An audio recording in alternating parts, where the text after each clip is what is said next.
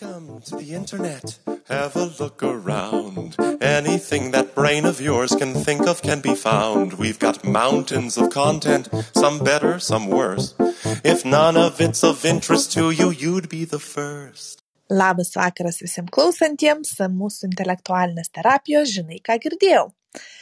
Ir po šiokios tokios pertraukos, kai čia užpuolė lygos, mes vėl grįžtam į eterį ir šiandien vėl esame paruošę jums dviejas temas, kuriomis netrukus ir pasidalinsim. Labas Vytautai.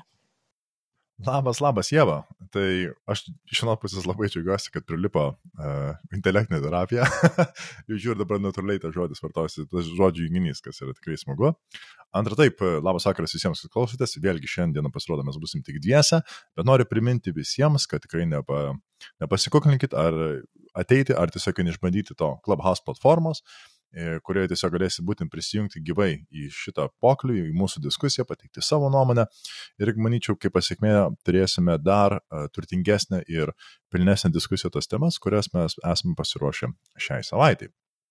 Tad gal tiesiog judant tiesiai į priekį, e, vis tiek jau žmonės išalkė, manyčiau, mūsų pamastymų ir pasidalinimų, tad Jėva, ką girdėjai praeitą savaitę? Praeitą savaitę o ir šiaip karts nuo karto teko pamąstyti apie vieną tokių švenčių kaip gimtadienis.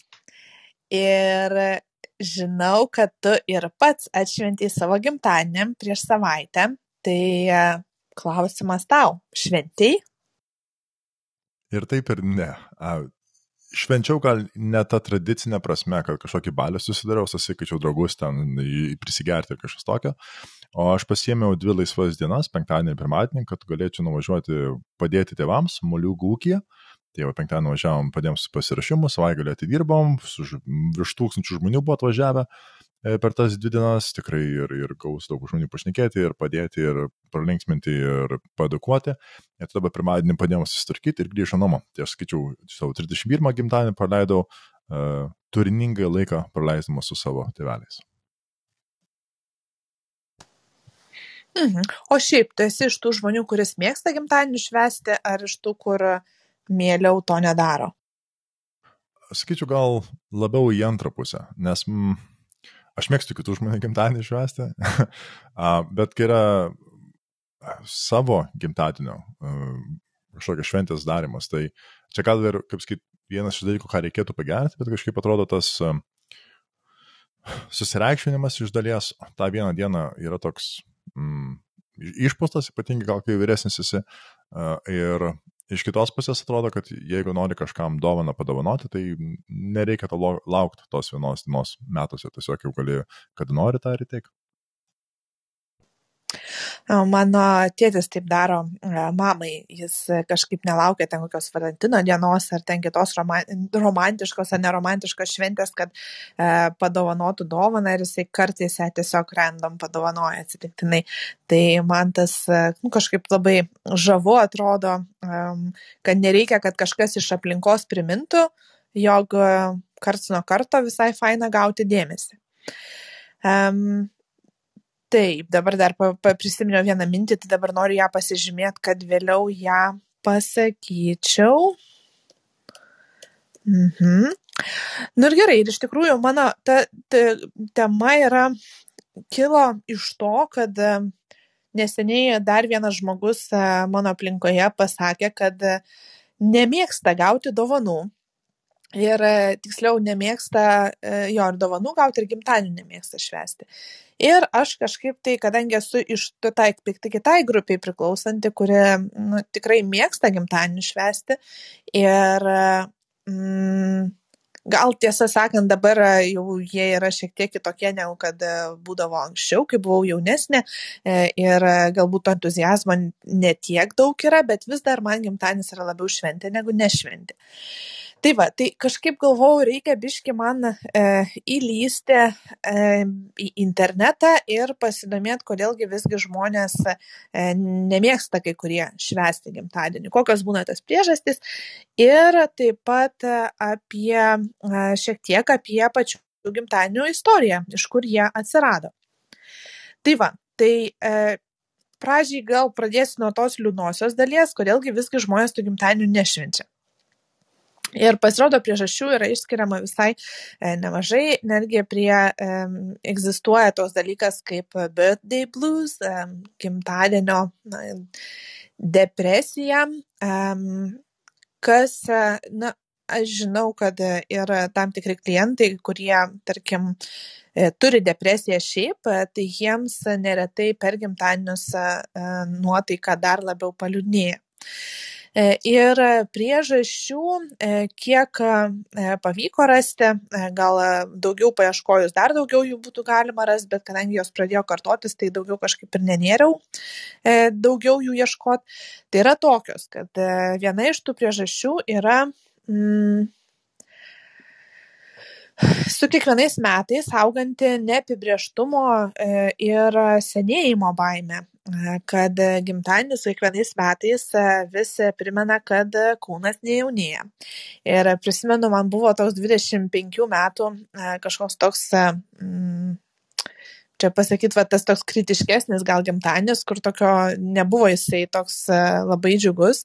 E, nu ir ten buvo dėl įvairių priežasčių, kitas vėliau prie kitų punktų minėsiu, bet va, ta fizinis, atsimenu, atsistau prieš veidrodį ir pradėjau žiūrėt, o ne, tai kur čia tos raukšlės dabar, kur čia tie senėjimai požymiai, jau ketvirtį amžiaus, nu, e, amžiaus nugyvenus. Bet tada kažkaip pasižiūrėjau atidžiau į tą veidrodį ir pamačiau, kad niekas jame nepasikeitė nuo vakar dienos. Ai, tai galvoju, tai viskas čia normaliai yra, galima ir toliau švesti gimtadienius. E, bet jo, kai kuriem tas sukelia baimę va, būtent dėl savo amžiaus. Mm, kita priežastis yra E, kad e, kiekvienas gimtadienis yra, na, tarsi priverčia susimastyti apie kažkokius e, metų tikslus, kažką, ką tiems pernai galbūt užsibrėžiai tiems metams ir jeigu kažko nepasiekiai, neįgyvendinai, tai tas, na, tokio sukelia tokio nusivylimą savimi jausmą, nesėkmės jausmą ir tas gadina, žodžiu, ta šventė jinai asocijuojasi su neįgyvendintais tikslais. Um, kita priežastis, kur irgi pačiai irgi yra tekę girdėti tokiu atveju, kad uh, ir filmuose tas uh, būna vienas iš tokių scenarijų, uh, kad, žodžiu, jeigu um, žmogus yra augęs uh, kažkokioj disfunkciniai šeimoje, uh, kur turėjo įvairių, na galbūt uh, na, ne, neturėjo labai sveikų santykių su savo tėvais ir ar ten būdavo smurtaujantis, ar alkoholikai, ar kitokių rimtų problemų e, turintys e, tėvai ar kiti šeimos nariai, tai neretai tos problemos jos per gimtadienius tik dar labiau išiškėdavo. E, arba tie gimtadieniai galbūt būdavo nešvenčiami, arba tie gimtadieniai būdavo, na, per juos būdavo įvairios išgirtuvės ar kažkokios smurto protrukiai, e, tai tie gimtadieniai tiesiog turi labai labai skaudžias e, ir nemalonės asociacijas. E, dar viena priežastis yra susijusi su vienišumo jausmu, kuris, na, žmonės, kurie galbūt neturi labai daug artimų draugų ir, per gimt, ir tas, manau, ypatingai tokiam jau senoliams e, gali irgi e, paumėti e, ta situacija, kad per gimtadienį pasijauti labai vienišas, kai nėra kas su to gimtadieniu tave pasveikina egzistencinė krizė. Dar viena priežastis nešvęst gimtadienio. Aš dabar žinai sakau ir galvoju velnias žmonės kurie ir turėjo kažkokį džiaugsmą e, tą gimtadienį švęsti tai dabar gali rasti labai daug priežasčių dėl ko nešvęstų gimtadienio. Nu bet e, gal tikėkimės kad ne taip lengva e, išmuš žmonės iš, iš, iš kažkokios vat, geros, gerų teigiamų asociacijų su gimtadieniu. E, tai taip, egzistencinė krizė, e, tas mm, per gimtadienius paštrėja įvairūs klausimai apie gyvenimo prasme. Ne visgi tai yra diena, kuomet e, mes gimėm, atėjom į šį pasaulį ir jeigu tie klausimai yra labai jautrus, kodėl aš čia esu, kokia prasmė mano gyvenimo, tai gimtadienis tarsi dar kartą priverčia susimastyti visą tai. Dar toks įdomesnis galbūt mm, įdomesnė priežastis tai buvo nostalgijos jausmas, kad e, vaikystėje, e, paauglystėje tie gimtadieniai turėjo labai šiltus, labai malonius e, prisiminimus, kurie buvo labai tokie, na, ypatingai stiprus emociškai, kaip labai pozityvus. Ir suaugus kažkuriuo metu tie gimtadieniai, na, jie natūraliai nebekelia tiek džiaugsmo, per juos na, nebūna galbūt tų tokių šiltų jausmų, kurie kildavo vaikystėje. Ir nu, čia gali būti netgi ir tos dėl priežasties, kad galbūt nebėra tų žmonių, su, kurie tuos malonius jausmus, tą džiugesį sukeldavo, kai buvo maži. Ir tada per gimtadienius apima nostalgija. Nostalgija šiaip jinai, na kaip ir toks e, jausmas ant ribos. E, toks malonus ir kartu gali būti nelabai malonus. Su melancholija, su melancholija susiję toks, mm -hmm, čia pasakyti, na taip jį gali turbūt priimti ir kaip tokį malonų va prisiminimą kaip buvo faina bet kartu su tuo kažkokio liūdesio gaidele tai vat kartais tas e, galbūt per gimtadienį e, jausmas kilęs e, na nesuteikia to tradicinio ir įprasto medijų propaguojamo džiaugsmo dar viena priežastis kad yra žmonių ir šitą irgi esu nemažai girdėjus iš savo e, ir draugų pažįstamų kurie gimtadienių nemėgsta švęsti tai e, nemėgsta kai visas dėmesys e, būna sutelkiamas į juos. Tai kai per gimtadienį į tave kažkaip nu čia man kažkuo gal kažkokia asociacija iškilo, kai per kalėdas visą laiką prašydavo ten padainuoti dainelę, užlipti ant kėdės eilėraštuką pasakyti, tai tas gimtadienis toks irgi kažkoks būna, kad, nu, tai dabar pasakyk, ko tu nori, nu, papasakok apie savo metus. Mes darbe senajam turėjom tokią tradiciją, kad per gimtadienį jubiliatas visą laiką gaudavo kažkokią užduotį. Ar ten papasakot savo uh, hobius, kuriais užsiminėdavo vaikystėje, ar tai um, kas ten buvo. Kitą kartą reikėjo savo vaikystės nuotraukas atsinešti ir apie jas papasakot.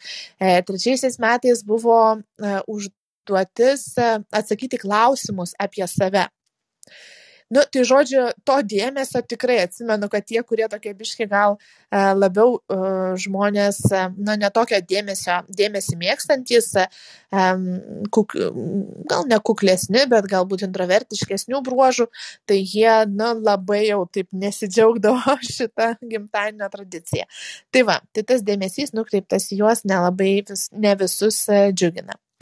Na ir Jo, tai va, tai tokios tos pagrindinės priežastys, kurias pavyko rasti apie tai, dėl ko žmonės tų gimtadienių nemėgsta švesti. Um, ar tu pats dar kažko papildytum iš savo patirties?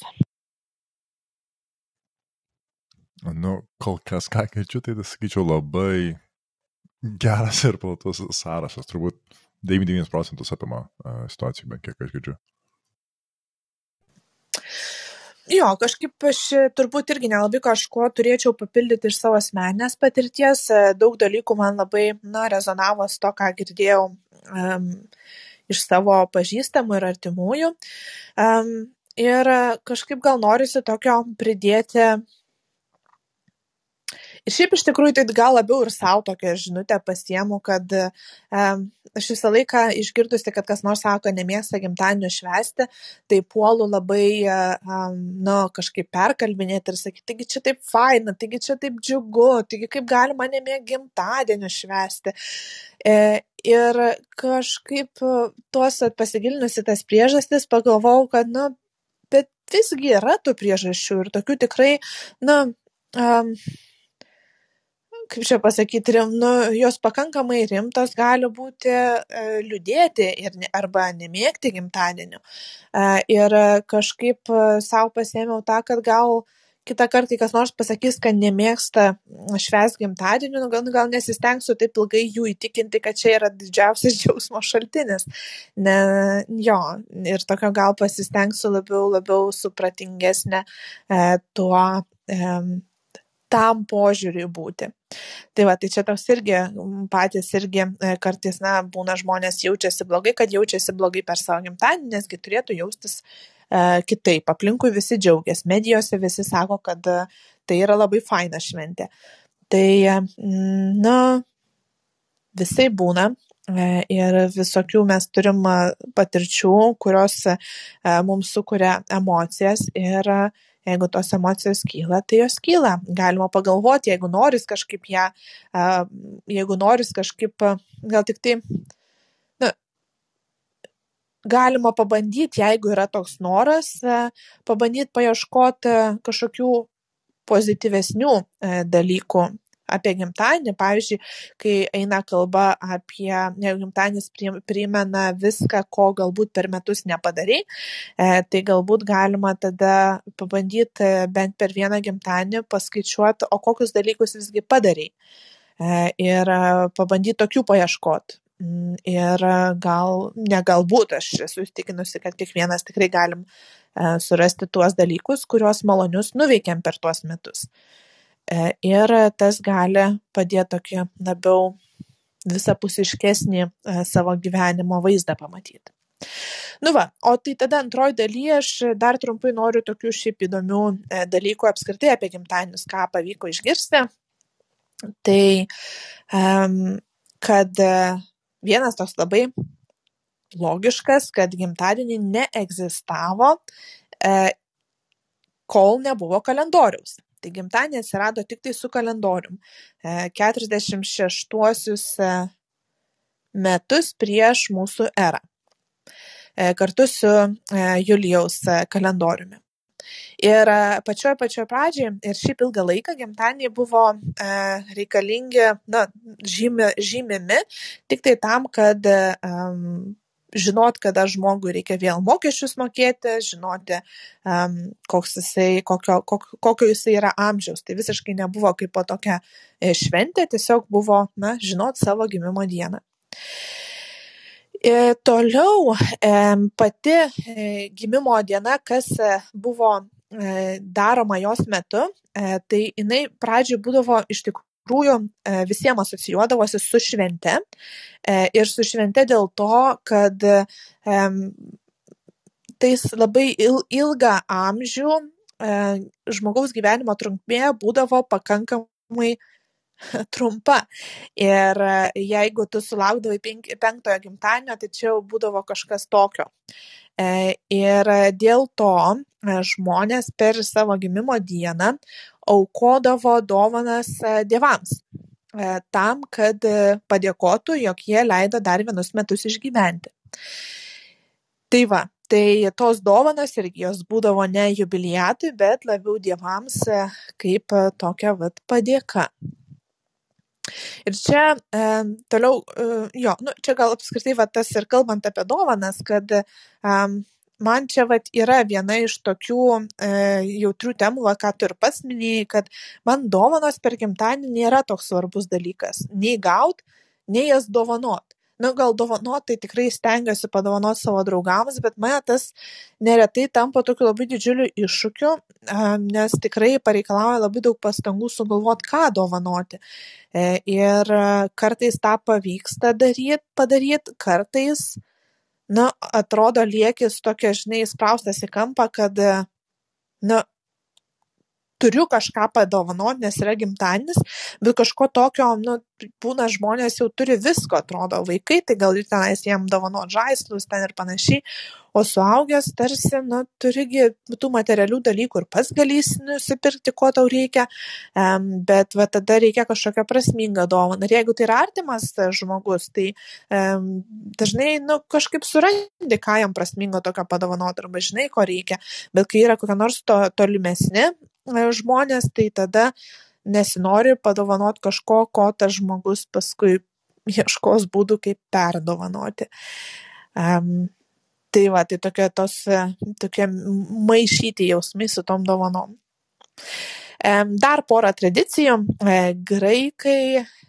A, e, iš kur atsirado, e, kilo tradicija uždegti žvakutes per gimtadienį pasirodo kad graikai ir egiptiečiai e, laikydavo kad e, tokios e, kažkokios labai reikšmingos dienos metuose kuomet vykdavo kažkokie pokyčiai ar ten būdavo lygiadienis ar ten būdavo va tas pats gimtadienis kuomet kažkas gimsta tai yra tos dienos, kuomet į pasaulį gali prasprūsti blogis.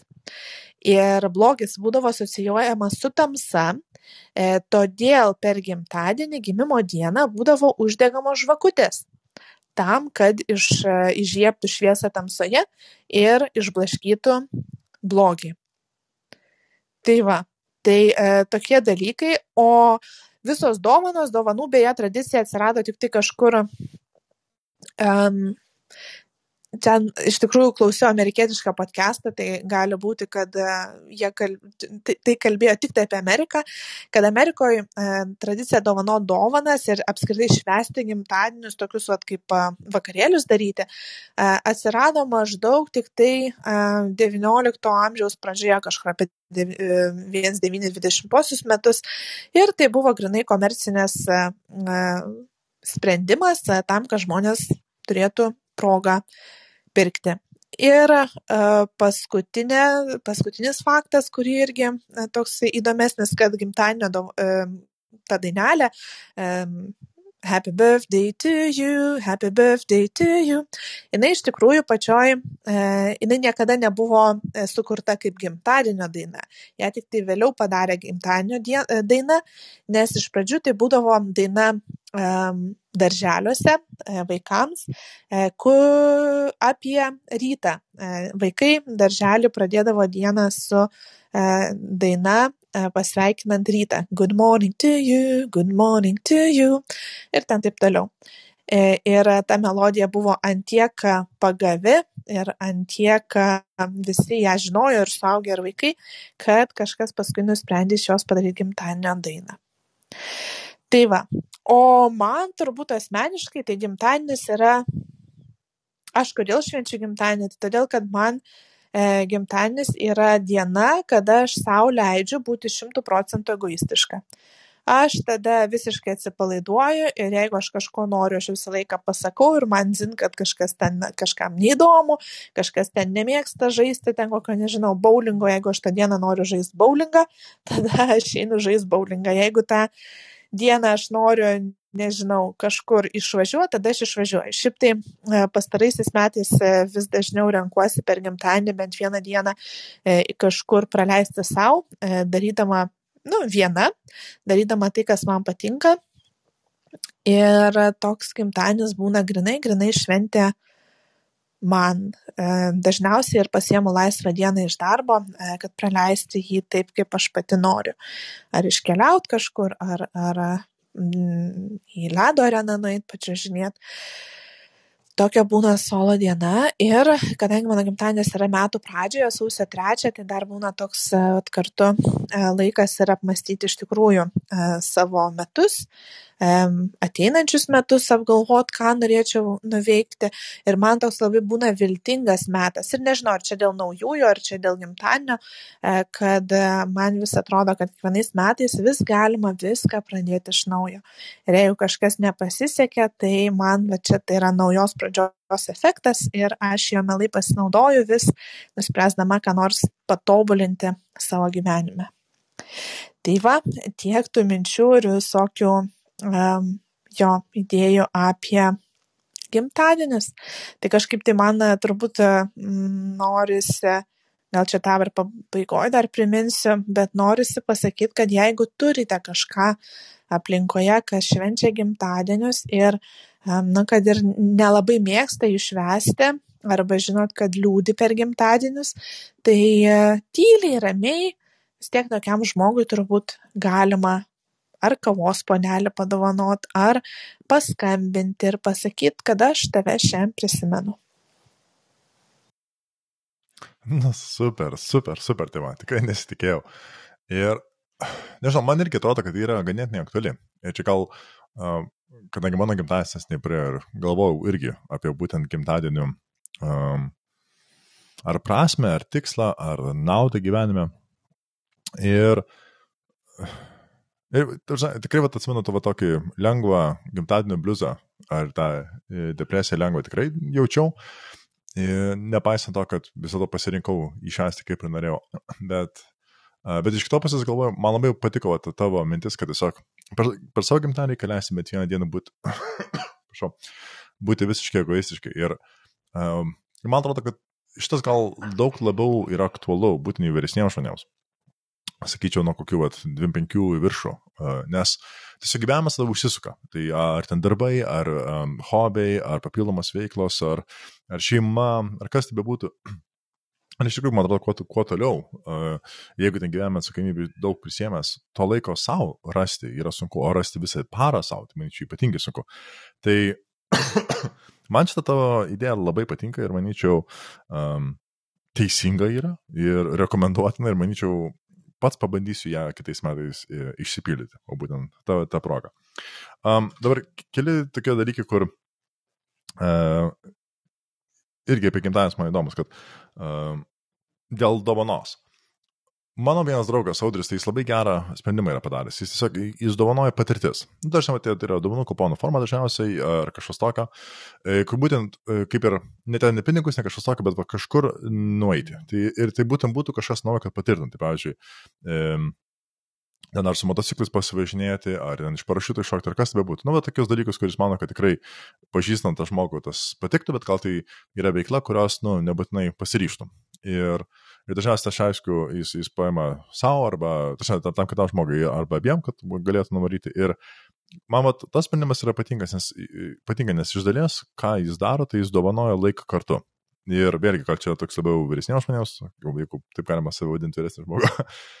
Bet man asmeniškai tokia dovana yra daug vertingesnė, negu ten būtų koks nors brangus ar prabangus daiktas ar, ar kažkoks pakabukas ar juvelyrika. Nes vėlgi tas laikas kartu ir ta patirtis ir emocija, kurią sukai kartu, manyčiau, tikrai yra, mm, turi daug didesnę vertę. Nu, bent, bent man asmeniškai. Um, čia irgi dar apie tą e, su gimtadienį dainą, irgi ten porą fun fact, kad labai nesiniai skaitėsi, kad įėjo į viešą domeną. Tarsi, kad jie galima dabar visur naudoti legaliai ir nereikia mokėti uh, autorystės mokesčio. Nes čia iš tikrųjų buvo toks mini incidentas, teisiškai išnekant, kai uh, su gimtadieniu daina kosmose pagrojo. Ir aš dabar bijau sumauti, ar tai buvo tarptautiniai kosminiai staty, ar uh, Marso roveris savo sudainavo uh, Marse būdamas, bet ir po klausimas, nes ta daina iš tikrųjų yra nelegali, žinai, jeigu tu groji nemokėdamas autorinių teisų, bet tada buvo klausimas, ar, ar autorinės teisės turėtų galioti ir ne žemės, nu, už žemės atmosferos ribų. tai man atrodo, tam baigėsi, kad Bijau pamal, koks teisinis sprendimas buvo, bet žinau, kad tikrai niekas nieko nemokė, bet va toks iškilo teisinis įdomus precedentas. Tai iš tikrųjų, ar galėtų autorinę dainą groti jau už žemės ribų? Irgi, bet, bet, bet kilo būtent dėl šios Happy Birthday e, dainos, tos plačiai žinomos.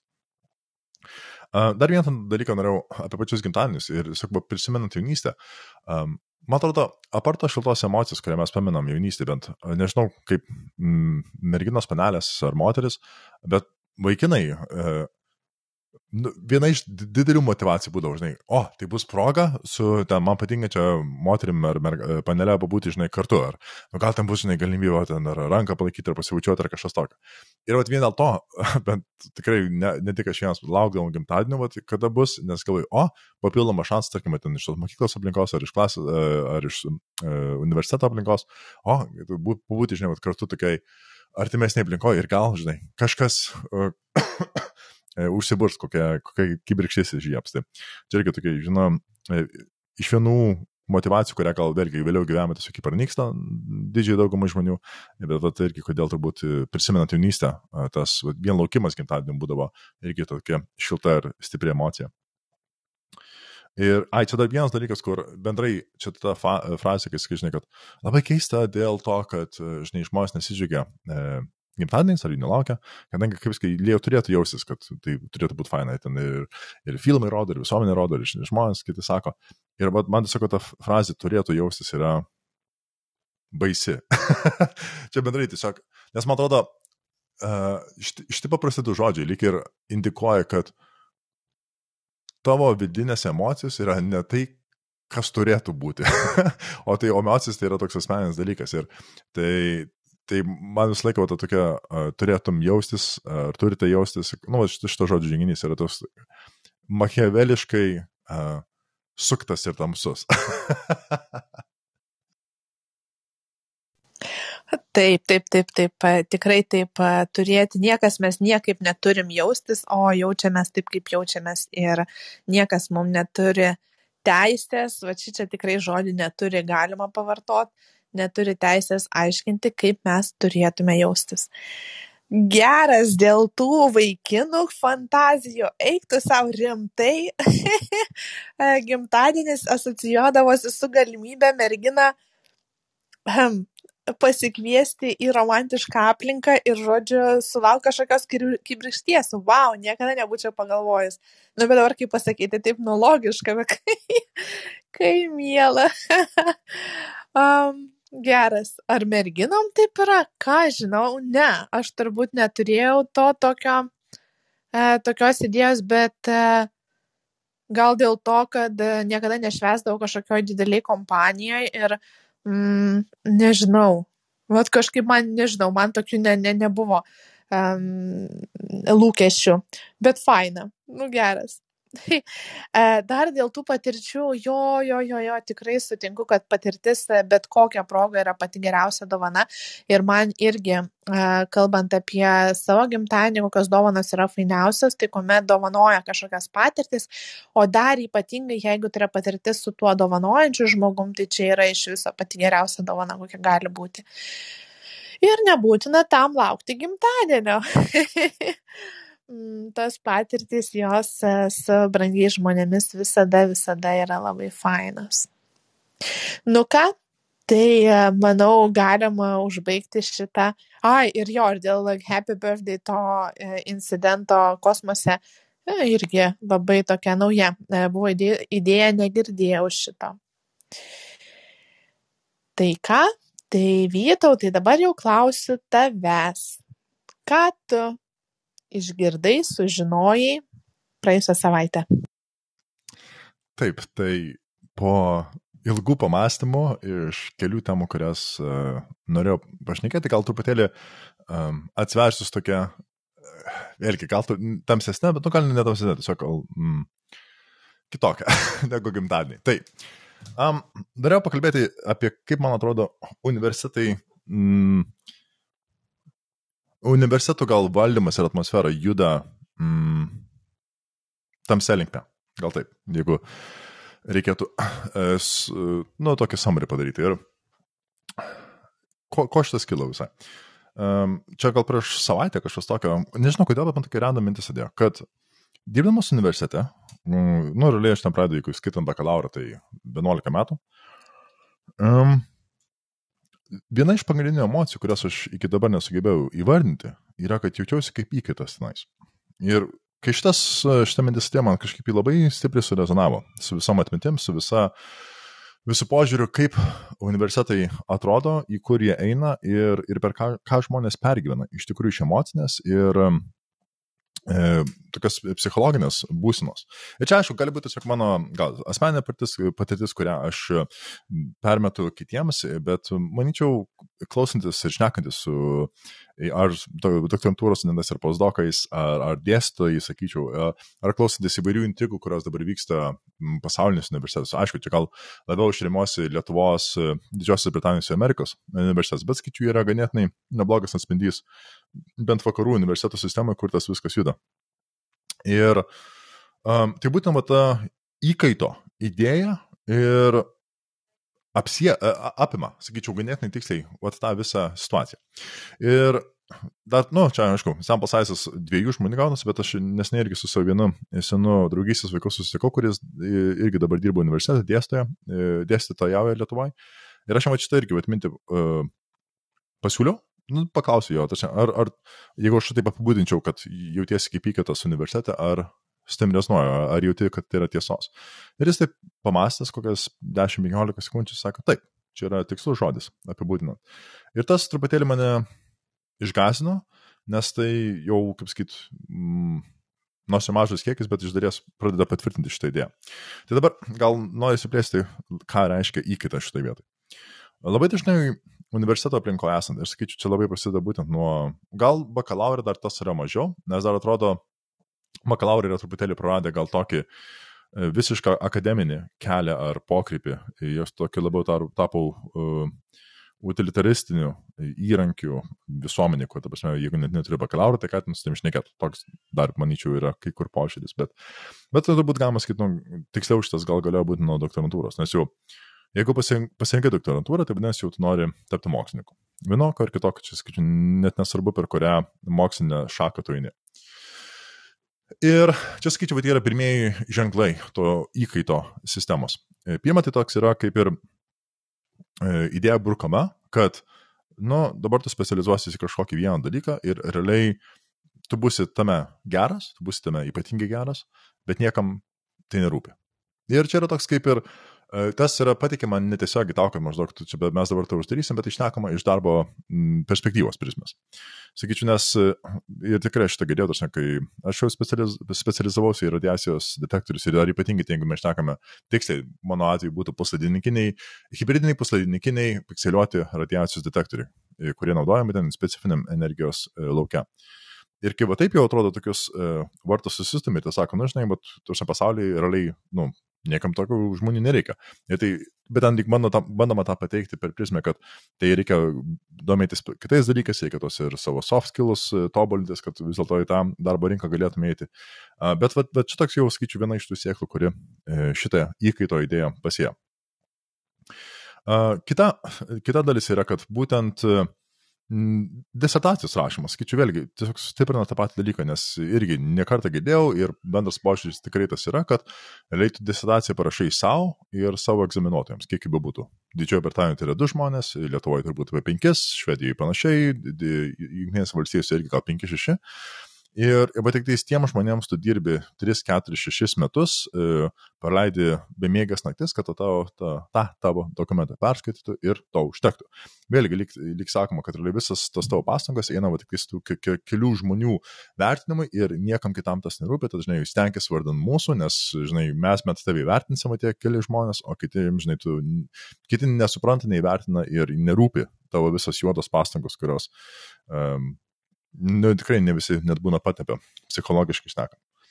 Um, trečias dalykas, kad būtent jau, kai pasibaigė doktorantūra, tai jeigu jau praėjai viską maždaug, nu tai ką, tada jau aišku, turi eiti į postdoką. Yra aišku žmonių, kurie išeina, išeina į pramonę, išeina ypatingai, e, jeigu jas, žinai, randa savo sritį, kur tai bebūtų, ar konsultacinėse kompanijose, ar į banko, bankinį, finansinės sistemas išeina, ar į programuotojus, nu labai gerai. Bet vėlgi toks, bent iš vidaus požiūris, ah, maždaug kaip jis, jis ar jį išdryso palikti va šitą tokį, žinai, universitetinį kelią. Ir tai vėlgi, lyg, lyg čia toks, aišku, prielaida, supozuojant gal biški šuolis į priekį, bet e, jaučiasi, kad, ah, maždaug, maždaug mūsų įkaitas palikomus. Nes va tie, kurie nueina į postdoką ar dėstytojus, tai maždaug, va, yra, ah, teisingai, mes tave, žinai, investavome, mes tave prižiūrėjome, dabar eikti toliau mūsų tuo keliu, kurį mes tau parinkom. Vėlgi, kur atrodo įkaitas, ar tas žmogus, kuris realiai valios neturi išėti iš tos aplinkos, ar pakeisti e, kelią, kur, kuriame dabar į tuo momentu yra. Ir toliau einat, realiai skaičiu, kad jau pausdokai ar, ar dėstai, tame lygmenyčiau, nu, tarkim, profesoriaus. E, tai vėlgi yra toks truputėlį įkaitos žaidimas, nes realiai tu tada įpuoli į tą būtent e, vidurinį, sakyčiau, universiteto lygmenį ir, ir žaidimus, kurie ten vyksta, tai mes šnekame politinius žaidimus e, tarp departamentų ar fakultetų galvų ar dekanų, kas tai bebūtų, kad turi, kaip sakyti, įtikti ir, ir palaikyti iniciatyvas ir bla bla bla. Taip pat turi e, žaisti visą e, grantų žaidimą. Yra, turi rašyti proposals ir grantams pats, turi gebėti iššifruoti, ko kam reikės šiemet ir už tai E, parinkti temas, kurios turi didesnį tikimybę e, laimėti, kas iš vienos pusės yra gerai, bet iš kitos pusės tai reiškia, kad yra tikrai labai nemažai tyrimų, kurie yra uždaromi vien dėl to, kad tu nepataikai tai, ko kažkam, kažkas va toks už tavo ribų, už tavo kontrolės ribų nusprendė, už ką duos pinigus, o vis dėlto universitetai, manyčiau, irgi tas vienas iš kontrolės būdų yra, kad e, akademikai, nesvarbu net kuriam lygmenį, žiūrint su mm, visuomenės vidurkiu, tikrai yra, nu, nėra gerai apmokami. Ir čia jeigu ten Didžiosios Britanijos pavyzdžių, tai žinau, kad mano pausdoko alga, tai vadinasi jau kalbu čia jau po doktorantūros, tarkim porą metų patirbus jau mokslininku, ji vis tiek būdavo mažesnė negu tas žmogus, kuris baigė verslo vadybą universitete bakalauro ir gavo pirmąjį darbą bankę kažkam. Jau to žmogaus e, alga būdavo didesnė už mano. Tai vietoj po bakalauro, po, po doktorantūros ir jau, tarkim, įpusėjus uh, postdoką. Realiai tik postdoko gale aš susilyginu su entry level job finansų sektoriu. Nu, bet ne. Um, Lietuvoje tai nu, iš viso šitą situaciją irgi dar man krupesnė pasidarė, kadangi ten, jeigu neklysiu, doktorantų stipendija iš viso yra ten apie 450-600, nu, ta, tame lygmenį e, eurų.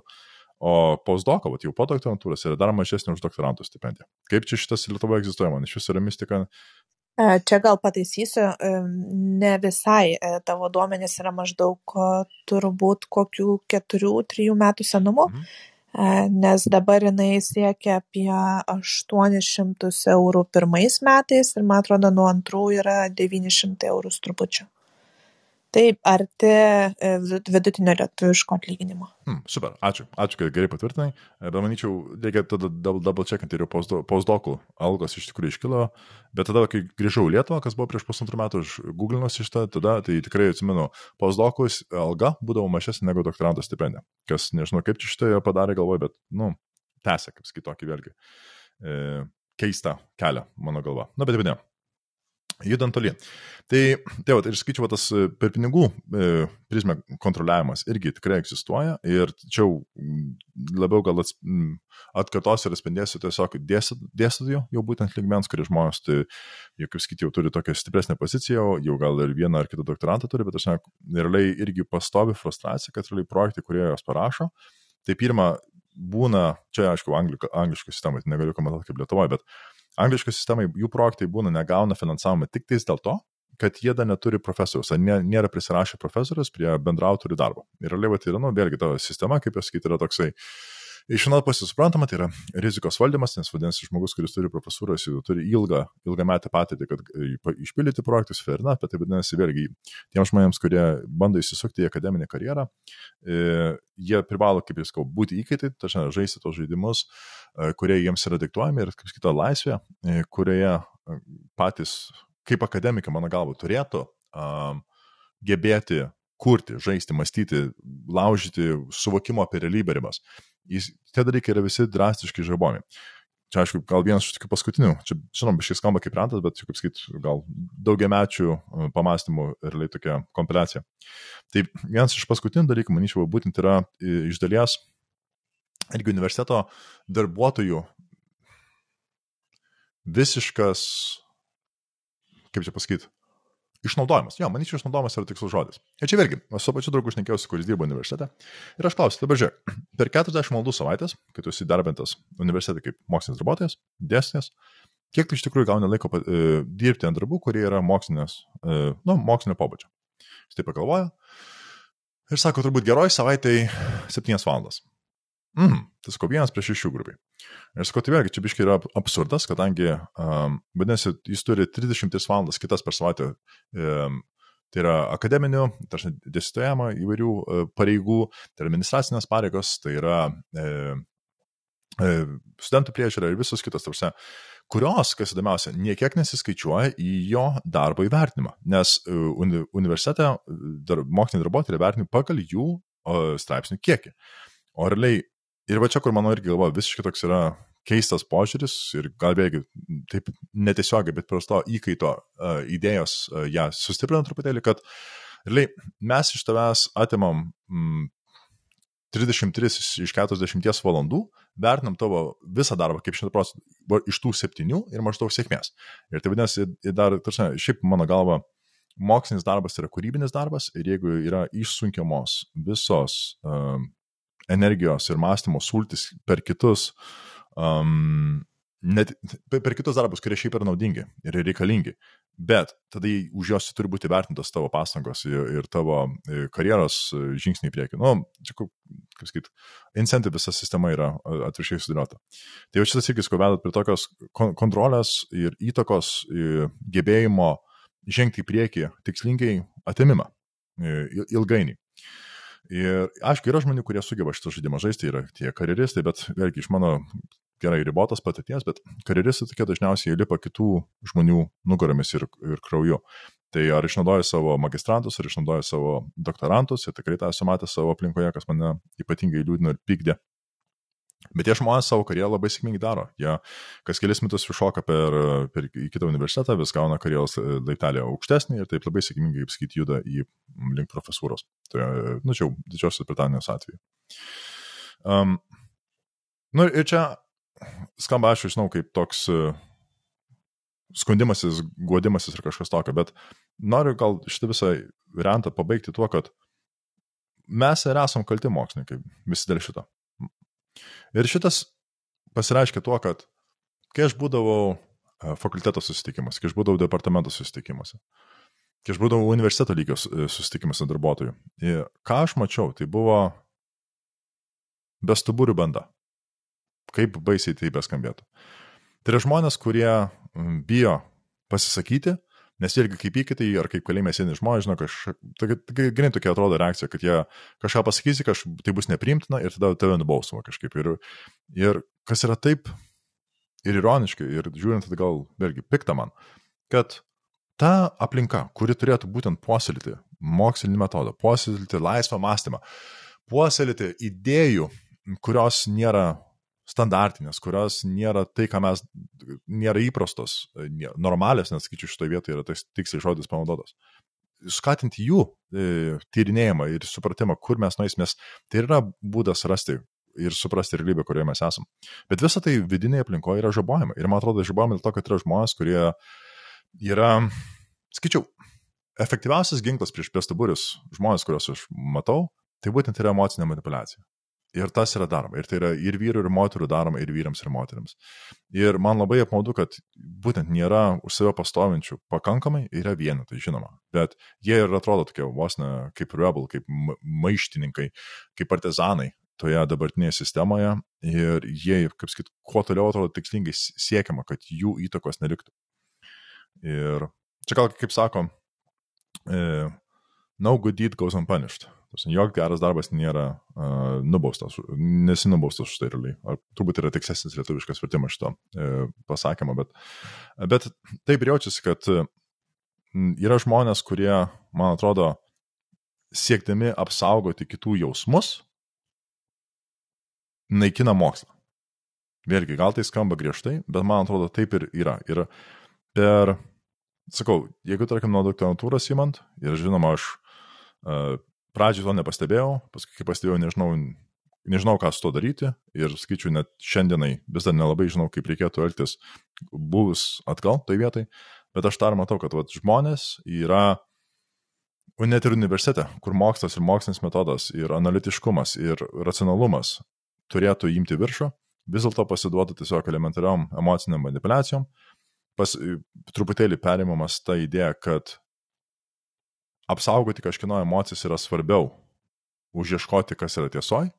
Tai reiškia, negalima duoti kritikos, negalima um, pasakyti, kad kažkino darbas buvo šūdinas, nes iš tikrųjų ten, tarkim, yra labai prastos kokybės darbas, ar duomenys prastai išanalizuoti, ar, ar algoritmai prastai parašyti, ar teoremos blogai sudėtos, kas tai bebūtų. Net tokių, tokios elementarios mokslinės kritikos tada negalima, po, nesakau, kad visiškai, bet einama tikrai atrodo link to, kad tai yra nepriimtina, kadangi tas žmogus, kuris tai tas klaidas yra padaręs, gali priimti emociškai ir tos emocijos pažįstos yra daug svarbiau negu tai, ką mes iš tikrųjų darom teisingą, tikslingą, sunku mokslinį darbą. Tai aš prisėmu atsakomybę iš to pusės, kad būdamas universitete mm, nekovoju prieš tai, kiek man atrodo reikėjo. Ir kiekvienas, manyčiau, žmogus, kuris universitete yra ir tokią pačią šitą klaidą daro. Taip pat manyčiau, turėtų prisimti atsakomybę, nes su kiekvienu šitų žingsniu, su, su kiekvienu šitų pasidavimu į um, bestuburiškumą mes prarandam tai, kas universitetas mano akimis turėtų būti. Tai turėtų būti vieta, kur um, galima būti laisvam, kūrybiškam, galima testuoti idėjas, kurios skamba keistos, kurios niekas jų nebūtų pagalvojęs, niekas nesupranta, ką tai galėtų reikšti, bet tai vienintelis būdas ir, manyčiau, žmonijai, visuomeniai ir individams judėti į priekį ir suprasti tą realybę, kurioje mes gyvename ir vis dėlto daryti tuos atradimus, kuriuos ir mokslinis metodas žingsnis po žingsnio stengiasi pasiekti.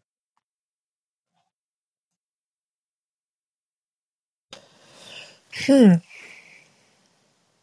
O visą tai, kad tu, po to, kai tu visą tai praėjai, ką praėjai, e, kol baigiai doktorantūrą, um, kartotum, jeigu atsuktum laiką atgal? Žinoma, man dirbti universitete ir mokytis kritinio mąstymo, tai aplinkoje tikrai buvo ypatingai naudinga. Ir tie įgūdžiai, kuriuos aš iš, išsinešiau iš universiteto bent kol kas, yra, turi neapčiopiamą vertę. Tačiau dabar žiūrint atgal, aš būčiau drąs, bet noriu tikėti, nes negali pasakyti, žinai, aišku, bet, bet manau, būčiau drąsesnis iš tikrųjų kovodamas už tas vertybės, kurias, man atrodo, universitete turėtų būti posėlimas. Kaip vėlgi, racionalus mąstymas, kai yra mokslinis metodas, yra, gal keistai skamba, bet tas šaltakraujiškumas, kuris ir reikalingas um, atlikti darbą. Ar priimti idėjas, kurios yra to nepriimtinos tą sekundę, kadangi tu iki tol visą gyvenimą galvoji kitaip. Ir tai nes tokie dalykai sukelia priešiškas emocijos. Žinoma, čia visi mes šitą jausmą gerai žinom, kai kažkas pasakė kažką naujo tau, kas priešinasi idėjams, kurios tu esi girdėjęs. Ir pas tą pradžią būtent yra ta tokia fight or flight sistema įsijungia, tai iš tikrųjų emocinė kova užsikuria prieš tą naują idėją, tą naują, naują pabaisą, kurią tu pamatai prieš save. Ir jo, ir tiesiog man atrodo, kad, nu, tačiau, grįžtant prie klausimų, tai jo, tikrai grįžčiau, tikrai pereičiau, nes nepaisant to judėjimo, kurį aš matau dabar, tas jis nėra dar visur, bet jau dabar, man atrodo, jo yra per daug.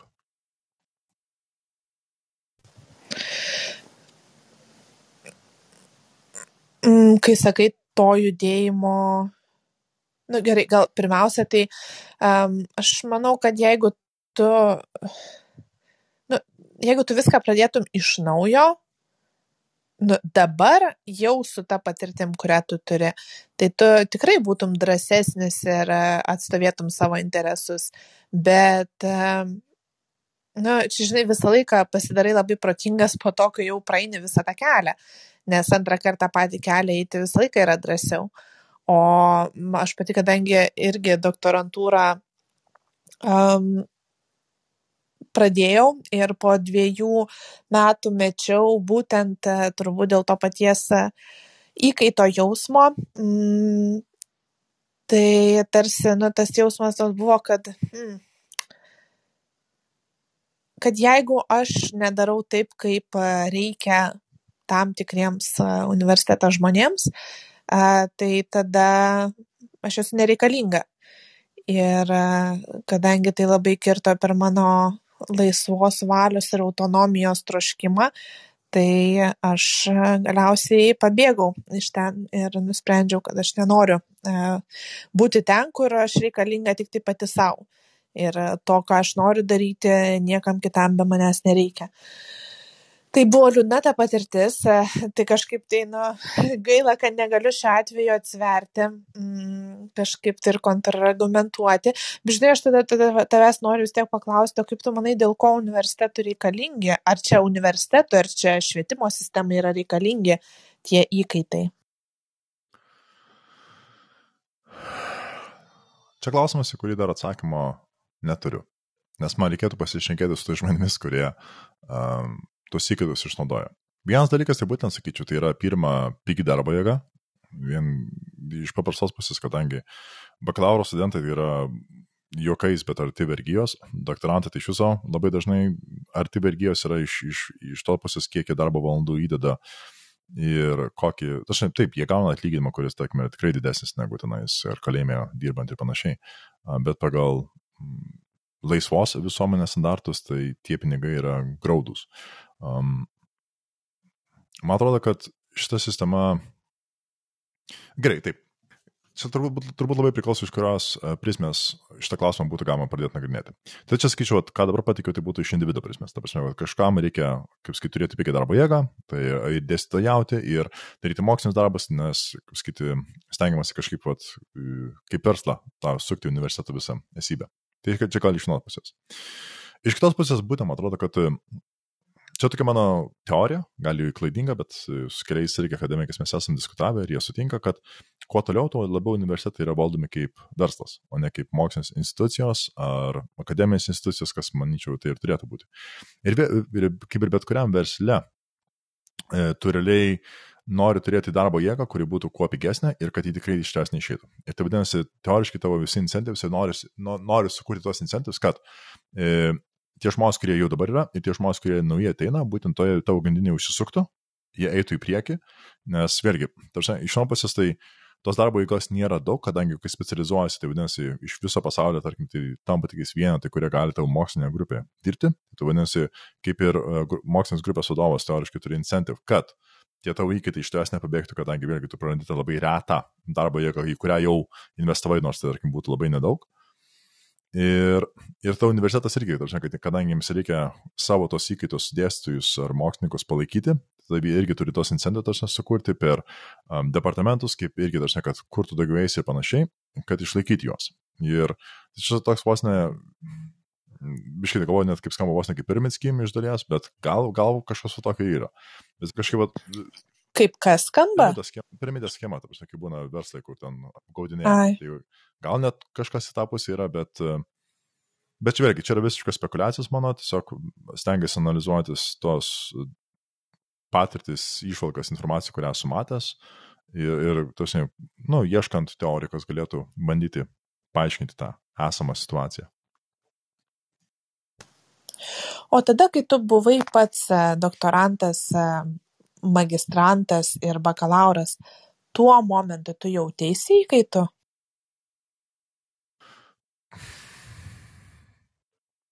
Bet, kaip ir sakiau pradžioje, bakalauras ne, nes man atrodo dažnai po bakalauro tai yra toks bendras e, diplomas, dažnai tu gauni kažkokius įgūdžius, kurie gal kažkam bus reikalingi, gal labiau savo, ir todėl dar, dar kaip ir daug kelių atidaryta.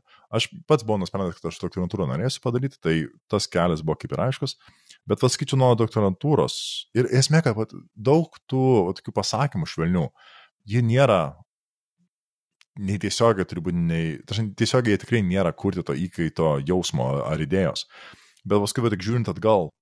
Kokie švelni, švelnus nu, tai, pasakymai? Pavyzdžiui, kad, žinai, va, tu, tu tapai specialistas ir niekur, žinai, kitur tu realiai nerasi darbo. Nes, nu, žinai, tu tik tą gerai žinai. Arba po doktorantūros, tai aišku, mes ten galim, e, geriausias, žinai, būdas, va, samdytis, e, eiti tiesiog toliau į mokslinės grupės, nes vėlgi kiti žmonės labai sunkiai randa darbą, ten metus neranda, keturis metus neranda, kas tai būtų. Nu, žodžiu, įvairių tokių mitų, kurie yra teoriškai grįsti irgi faktais, bet jie yra truputėlį kūrimi, va toks naratyvas kūrimas. Ir tik vadžiūrint atgal ir va, šitą pabandant etiketę kaip įkaitas, e, jį ganėtinai gerai limpa prie tokios visos veiklos. Pausdokas, sakyčiau, šitas dar labiau jautėsi, o kitikas, kai mokslinį darbą darai. Ir aš taip iš tikrųjų turėjau tą mm, poziciją, kur man nereikėjo dėstytojauti. Tai aš galėjau visą savaitę daryti mokslą. Bet tai tenais buvo lygiai tas pats, jeigu mes šnekame įvairias galimybės, tarkim, finansavimo, kurias tu gali ieškoti ir viduje fakulteto, ar departamento, ar iš apylinkės, iš, iš aplinkos. Postdokam šis nieko nėra, bet yra slepiama ta informacija, kas yra labai keista. Um, šiaip informacija, kuri, tarkim, universiteto darbuotojams keliauja, irgi postdokam nepasiekia. Nors ir, tai yra pilni darbuotojai, bet taip pat, žinai, vėlgi savo ir, tarsi, koks skirtumas realiai. Ir esmė, kad aš simnu, buvo labai fainas, e, būtent postdoc, vadinasi postdocs in nuclear engineering, tarsi branduolinės energetikos, e, branduolinės inžinierijos postdocų e, susitikimas, konferencija maža, ten gal mūsų buvo, nežinau, tarp 50 ir 100. Na, tiesiog irgi buvo pašnekėti mokslinis darbus, pristatyti, pristatyti, pasikalbėti, kaip kur kas sekasi. Ir man kas liūdniausia buvo tai visam susitikime, kad aš negirdėjau nei vieno balso, kuris pirmą būtų patenkintas, kad dabar daro postdoką ir kad jaustųsi, kad yra kažkokios iš tikrųjų ateities perspektyvos. Nes realiai iš postdoko kitas žingsnis yra į dėstytoją, bet tarkim Didžiojo Britanijoje, realiai man atrodo, bijau sumeluoti statistiką, bet grubiai ten vienas iš 12 ar vienas iš 15 postdokų tampa dėstytojų. Na, irgi ten statistika liūdna, kurie irgi labai dažnai šitas yra primenama ir grubamai, nu, grūdamai galvo, kad realiai, jei neklystu, vienas iš 200 plius minus e, doktorantų tampa profesorium. Nu, va tokia statistika. Nu, ten aišku, bandoma kaip ir sakyti, o, tai dėl to, žinai, turi labai stengtis, ten bla bla bla, žais, žaisti šitą žaidimą. Tačiau iš kitos pusės, ką žiūriu, kad būtent, realiai, žinai, many of you will die, but it's a sacrifice I have to take, kaip iš Reko pasakė. Ir tai vat, atrodo, nu, kaip sakyt, čia yra tiesiog daug tokių taškų aplinkui, kurie būtent ir veda link to įkaito idėjos. Hmm. Nu, man tada, e, kas liečia bakalaurus ir magistrantus, e, tai e, čia gal vėlgi turbūt ir kažkiek skirtumų yra tarp tiksliųjų socialinių mokslų, humanitarinių mokslų.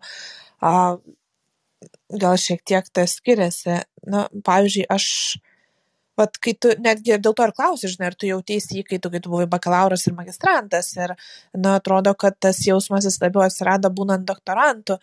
Um, bet nes man, nu, tu bakalauras tik tai susipažįsti, pradedi pažinti su tą akademiniu pasauliu, kas tai yra, kaip čia reikia elgtis, ką čia reiškia būti mokslininku ir panašiai. Tai normalu, kad tu, nu, kai tu mokaisi, tai pameistrys, kuris ten, pavyzdžiui, koks kalvystės meno mokosi, jisai iš pradžių irgi sako, daro tik tai tai, ką jam sako meistras. Paskui tik tai jau, kai tu išmoksti pagrindus, tu jau tada gali imtis tais pagrindais improvizuoti ir kurti kažką naujo tai man kažkaip dėl bakalaurų tai yra pakankamai ramu magistrantai nu bent jau pas mus niekada. Aš turbūt e, jaučiausi daugiau kūrybinės laisvės turėdama būdama e, turėjau daugiau kūrybinės laisvės būdama magistrantė negu doktorantė. Vat e, doktorantūroje atsimenu man tas jausmas buvo jeigu aš per visus šešis metus iki doktorantūros jaučiausi universitete auganti ir lygiavertiškėjanti su savo dėstytojais tai įstojus doktorantūrą aš staiga pasijutau vėl kritusi į pirmakursio mm, vaidmenį, kur aš turiu paklusti sistemai ir nu, kažkaip tai tiksliau suprasti, kokios yra taisyklės ir tų taisyklių laikytis jokiais būdais ne, nebandydama kurti savo kažkokių ar siūlyti savo taisyklių. Tai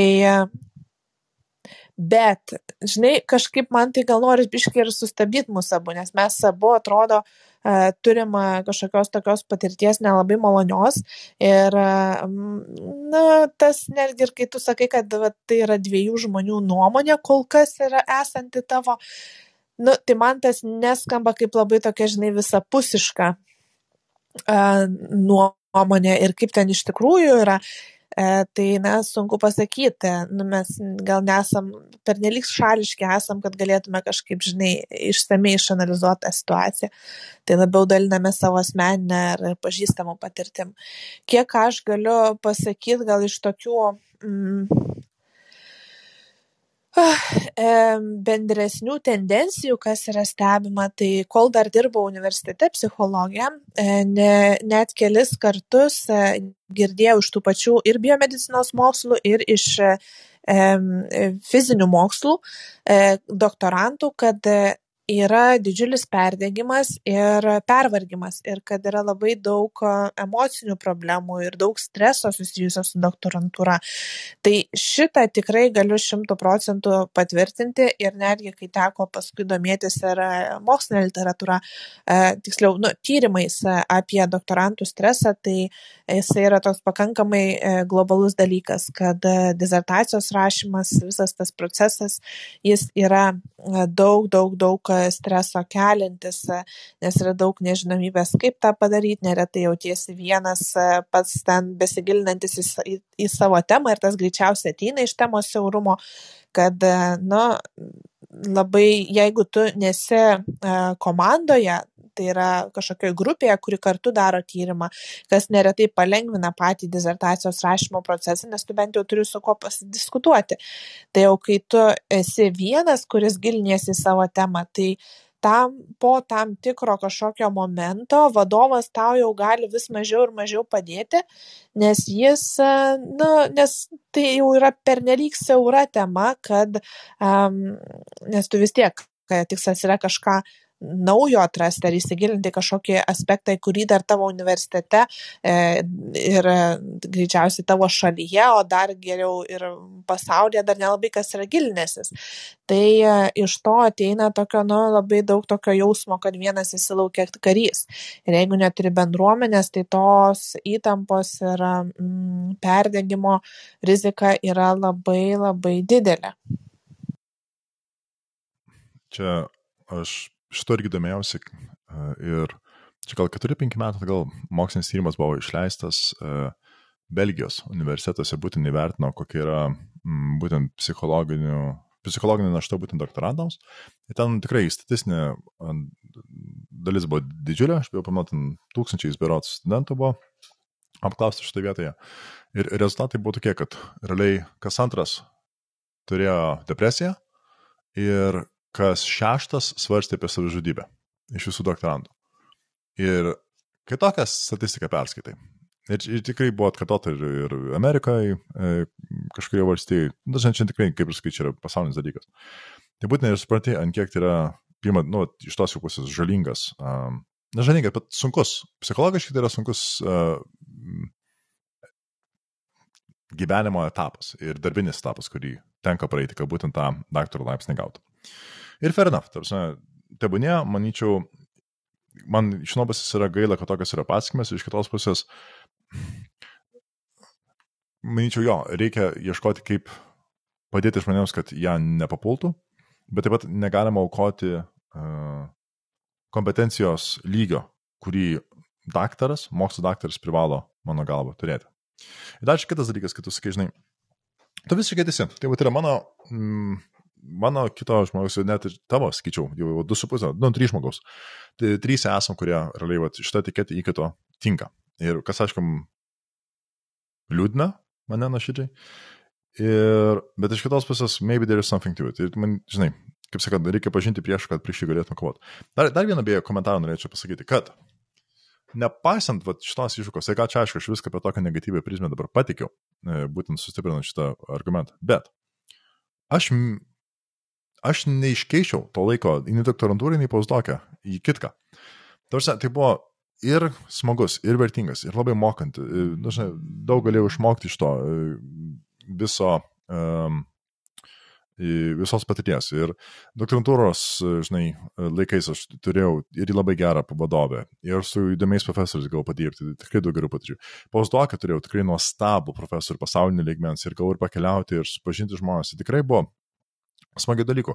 Dėl to čia būtent čia nėra, žinai, kažkokio, kad maždaug aš esu tas nepatenkintas pausdokas, doktorantas, žinai, kur ten susigrūsnės, įspė, tas mesdamas kėdės pro langą, žinai, išėjau iš universiteto. Ne.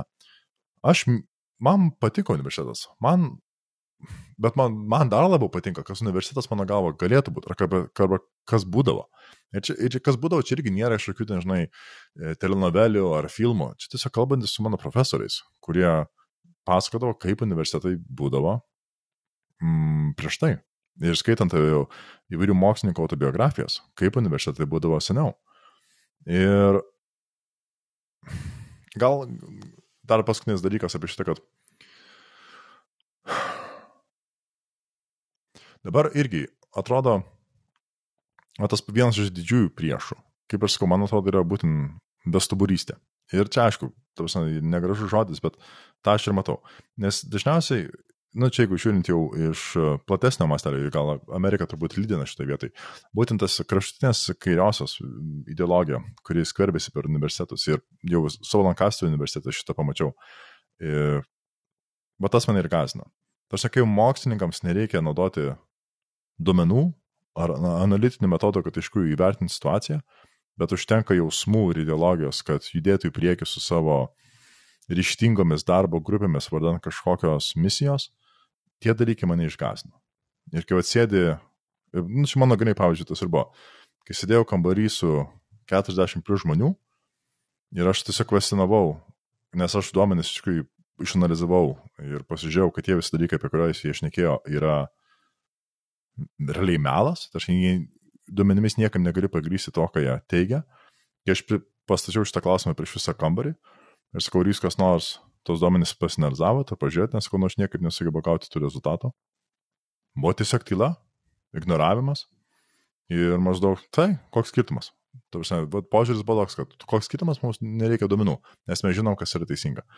Ir jeigu mokslinė institucija kaip universitetas negeba naudoti mokslinį metodą savo, nu tai čia, tu prasme, aš ir matau, kad yra mm, labai pavojingas kelias į priekį. Ir kai kurie universitetai jau Amerikoje tikrai šitam yra pasidavę.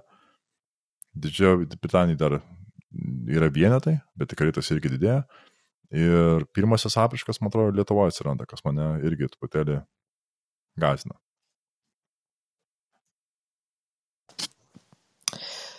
Hmm. Nu, žiūrėk, klausyk, biškai įvedam objektivumo e, į šitą diskusiją ir pasižiūrim, kokia yra, radau Nature žurnalo 19 metų doktorantų apklausą.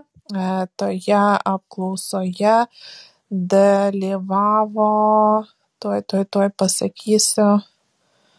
Ten, man atrodo, keli, keli, keli tūkstančiai tikrai e, dalyvių, tuoj pasakysiu tiksliai kiek. Aš jau labai žemyn, e, jo, 6 e, tūkstančiai e, su viršum dalyvių. Į doktorantų būtent. Ir e, kokie yra rezultatai, e, kiek, e, kiek iš jūsų esat patenkinti sprendimu stoti doktorantūrą. Labai patenkinti yra 38 procentai, o labai nepatenkinti arba kažkiek nepatenkinti yra 16 procentų. Kiti kažkur keliauja per vidurį.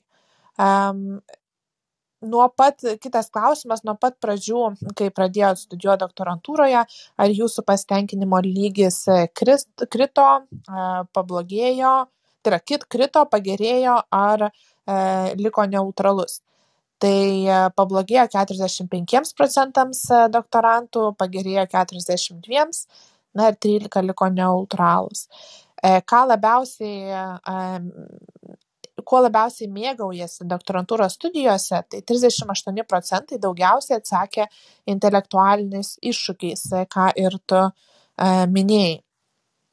Ir tada paskui yra klausimai apie E, pervargimą, tai e, doktorantai dirba dauguma, daugiausiai jų 76 e, procentai doktorantų sako praleidžiantis prie savo dizertacijos ir apskritai darbo universitete daugiau negu 40 valandų per savaitę. Tai nuo 40 iki 50 valandų rinkosi kažkur apie 20 septynis procentus ir dvidešim kažkur keturis keturi procentai rinkosi iki šešiasdešim valandų na tai toks pakankamai pakankamai sakau didelis mm, valandų skaičius, kas irgi patvirtina tai, ką tu sakai, ar ne, kad krūvis iš tikrųjų yra didelis. Ir dabar 36 procentai respondentų ieškojo pagalbos dėl nerimo ar depresijos susijusios su e, sukeltos būtent doktorantūros studijų.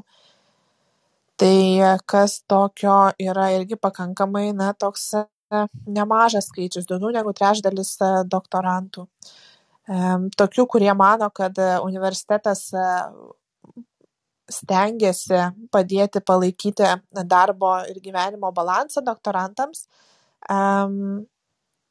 Sutinkančių su tuo yra, tuoj pasakysiu, 37 procentai, nesutinkančių 34. Likusieji yra apie vidurį. Nu, žodžiu, tai šiaip galėsiu, galėsiu įmesti į aprašymą e, visą tą straipsnį apie tuos rezultatus. Žodžiu, turbūt tai, kad e, doktorantūra nėra labai lengvas kelias, e, tai su to nelabai galim ginčytis. Klausyk, gal užbaigiant, e, aš tai tada bent kažkokį tokį į su viltim klausimą noriu tau užduoti. O tai koks vienas dalykas, ką tu siūlytum padaryti, ką galėtų universitetai padaryti, kad doktorantas jaustųsi mažiau įkaitas doktorantūrai?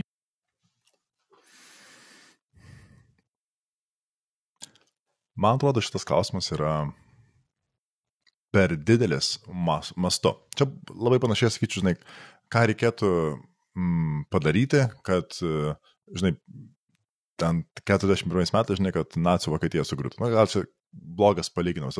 Bet, žinai, ką, ką maždaug Kainbitas gali padaryti, kad politinė sistema sugriūtų, kas, man atrodo, yra neįmanoma. Bet bendrai prieš visą šitą aš skatinu,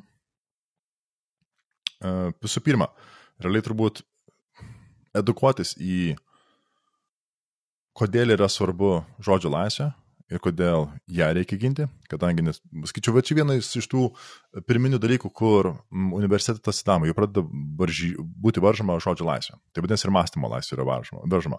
Ir čia, sakyčiau, prieš šitą dalyką yra tas pirmiausias ir vienas iš efektyviausių, ką galima individui daryti. Tiesiog um, pasikaustyti, nu, nusigalasi savo retorinius kalavijus, nusibliskinti savo oratorikos šarvus ir pasiruošti, kad pasiruošti mūšiams, kurie tikrai yra. Ir to, to, tos mūšius dažnai kelia žmonės, um, kurie nori savo ideologiją, savo jausmais. Kas vėlgi, aš suprantu, skamba negražiai, bet aš žinau, kad jie eina su ideologija, kad jų jausmai yra svarbiau už mokslą. Ir manyčiau, kur kur. Bet universitetas šitas yra neteisinga jeigu taip sakyčiau. Tai čia vienas iš dalykų, kur minčių mes kiekvienas galime tikrai pastėti. Ir, ir neleisti šitą būtent e, universiteto kokybei kristi vien dėl to, kad e, būtent kiti žmonės jaučiasi, kad jie gali kontroliuoti kalbą, kad jie gali kontroliuoti mintis ir kad jų nuomonė yra svarbesnė už faktus. Gal net taip sakyčiau. Čia vienas dalykas. Ką universitetai gali padaryti? Tai skaičiu, pirmas dalykas reikia biški apsiraminti su vadyba. Nereikia iš vienos pusės nereikia tiek priežiūros, kiek bandom, e, ką turime į priežiūros, tiek raportų rašyti, tiek egzaminų duoti doktorantams ypatingai, kadangi pirmą tai reikia pasitikėti, kad dėstytojai, kurie turi doktorantą, jie sugebės jį ar ją prižiūrėti. Aš skaičiu, reikia padėti dėstytojams, jiems numesti krūvį tą idiotišką, e, kuris dedamas, kurie natūraliai nepalieka laiko nei savo tyrimus daryti, nei prižiūrėti savo doktorantus. Čia vienas iš tokių dalykų. Nes čia, man atrodo, tiesiog grandininės reakcijos dalykai, kur jeigu mes mąstom tik kaip padėti individualiam doktorantui, mes nemastom pakankamai sistemiškai. Ir čia vat viena, dažnai, vat, tokie dalykai, kur manyčiau daug turėtų didesnį efektyvumą, negu va, kažkokius ten, tarkim, e, duoti mažesnės valandas, ar ten polisio kambarį sudaryti, ar arbatos pertraukėlės. Taip, jie yra gražus dalykai, bet man atrodo, jie visiškai neefektyvūs ilga, ilgainiui. Nes kaip aš sakiau, tame tyrimė parodė, ir čia tikrai ir iš mano patirties lygiai tas pats. Į doktorantūrą eina žmonės, ypatingai tie, kurie baigia. Tiesiog jie turi tą savybę, kad jie eina dėl savo motivacijos, dėl savo žingeidumo, dėl noro. Ir tas toks dalykas kaip laikas, energija nėra faktorius atlikti tos darbus, kad eksperimentą, tarkim, iki dviejų rytų e, pasidaryti ar aprašyti disertaciją per mėnesį, kas tai būtų žodžiu. Yra tie žmonės, jie turi tą tokią milžinišką iš vidaus savimotivaciją ir jie padarys tai, ko reikia. Ir vadinasi, papildomai jų motivuoti nereikia. Skaičiau, pagrindinis dalykas būtent suteikti, suteikti kūrybinę laisvę jiems kurti. Ir nereikia tiek, tais, tiek bereikalingos biurokratijos, kad kažkoks žmogus, sėdėdamas administracinėme departamente, jaustųsi, kad kažką naudingo veikia. Nes vėlgi čia gal skamba kaip rentas, bet tikrai to pilna. Ir, kaip sakyt, čia maždaug jeigu būtų politinis seimas, tai žinai, gražinam universitetą mokslininkams. va taip, va taip sakyčiau, va, va, kursiu savo partiją, mokslininkų partiją.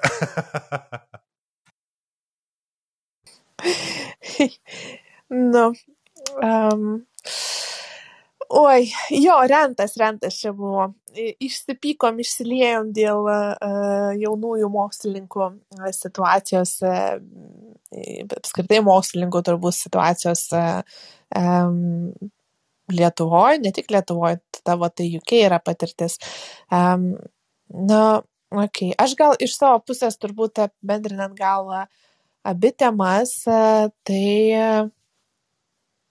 noriu pasakyti, kad kai jaučiamės vieni, ar rašydami dizertaciją, ar kovodami su biurokratija, ar savo gimtadienio dieną, tai padarykime bent vieną žingsnį, kad vieni nebūtume. Ir raskime savyje drąsos įveikti arba ir tikėjimo, kad yra kažkur dar šalia vienas toks, kuris irgi liūdė, e, tą rašydamas savo doktorantūrą, arba yra neviltiškume ar bejėgiškume, arba kalbant apie gimtadienius, kad e, apskritai e, kažkokį bejėgiškumą, neprieštumą jausti yra labai žmogiška. Ir tikrai gali kažką kreiptis pagalbos ir palaikymo. Palaikymas jisai yra universalus poreikis visiems, kiekvienam žmogui Ir e, kaip tik čia neseniai e, evo, m, žiūrėjau apie vienišumą e, tokį video ir e, priminė man vieną e, iš hipotezių, kodėl yra toks jausmas egzistuoja kaip vienišumas.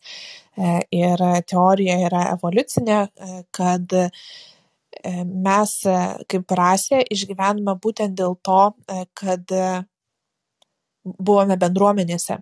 Ir e, E, tas mum leido labai daug dalykų ir namus pasistatyti, ir apsiginti, ir maistą susimedžioti e, ir taip toliau. Ir vieni mes nebūtume to padarę. Todėl e, emocija, vienišumo emocija neatsirado tam, kad tą akimirką, kai mes liekam vieni, tas diskomfortas, kurį dabar mes vadinam vienišumu, mus paskatintų ieškoti kitų žmonių ir burtis į bendruomenę. Tai va, e, ar būtum doktorantas, ar sėdėtum vienas per gimtadienį, paskambink draugui ir pasišnekėk, pasidalink tuo, ką tu jauti, ką išgyveni ir taip daug problemų palengvėja, jeigu ir neišsisprendžia. Kas labai įdomu, kad realiai tą pačią žinutę norėjau pasakyti. ir labai tikrai antrinu tau. Ir tikrai čia irgi iš mano patirties jau šnekant, kad pasidairom aplinkoje. Ar tai darbiniai, ar moksliniai, kur jūs bebūtumėt. Pasižiūrėkite savo draugus, į artimus, į šeimą. Ir galbūt ten, ten nereikia pastangų, tiesiog paklauskit, labas, kaip sekasi. Bet nuo širdžiai ne tai, kad ten praeinat, ai, ką tu. Ne, ne, kaip sekasi. Kuo, kas gerai, kas blogai. Ir net nereikia su tą mintim, kad kažką reikės padėti žmogui. Tiesiog duokite ausį išklausyti. Parodykite, kad jums tas žmogus rūpi ir kad jūs norite būti, būtent pabūti šalia jo ar jos tau. Penkias minutės, valandą, kiek tai bereikėtų. Ir man atrodo, vien toks šitas paprastas gestas, ar tai per gimtadienį, ar šiaip gyvenime, turbūt ne, neretam žmogui būtų daug didesnės vertės negu brangiausia dovana, materiali, ma, ma, tai, negu brangiausia materiali dovana, kurią galėtume surasti. Tad kalbėkitės, dalinkitės, klausykitės vienas kito ir manau taip mes tada galėsim iš tikrųjų žinoti, kur mes esam, kaip mes esam ir tada kartu draugiškai, pozityviai, pasitikinčiai savim ir, ir turint draugą ar partnerį, judėti į priekį. Ir tada, manyčiau, tikrai viso gyvenimas nušvintas, taiga truputėlį šviesiau. Taigi, sveiki susimatymo kitose. Žinai, ką girdėjau laidose? Ačiū tau, Jėva. Ir iki. You have to live in the world to get to the truth.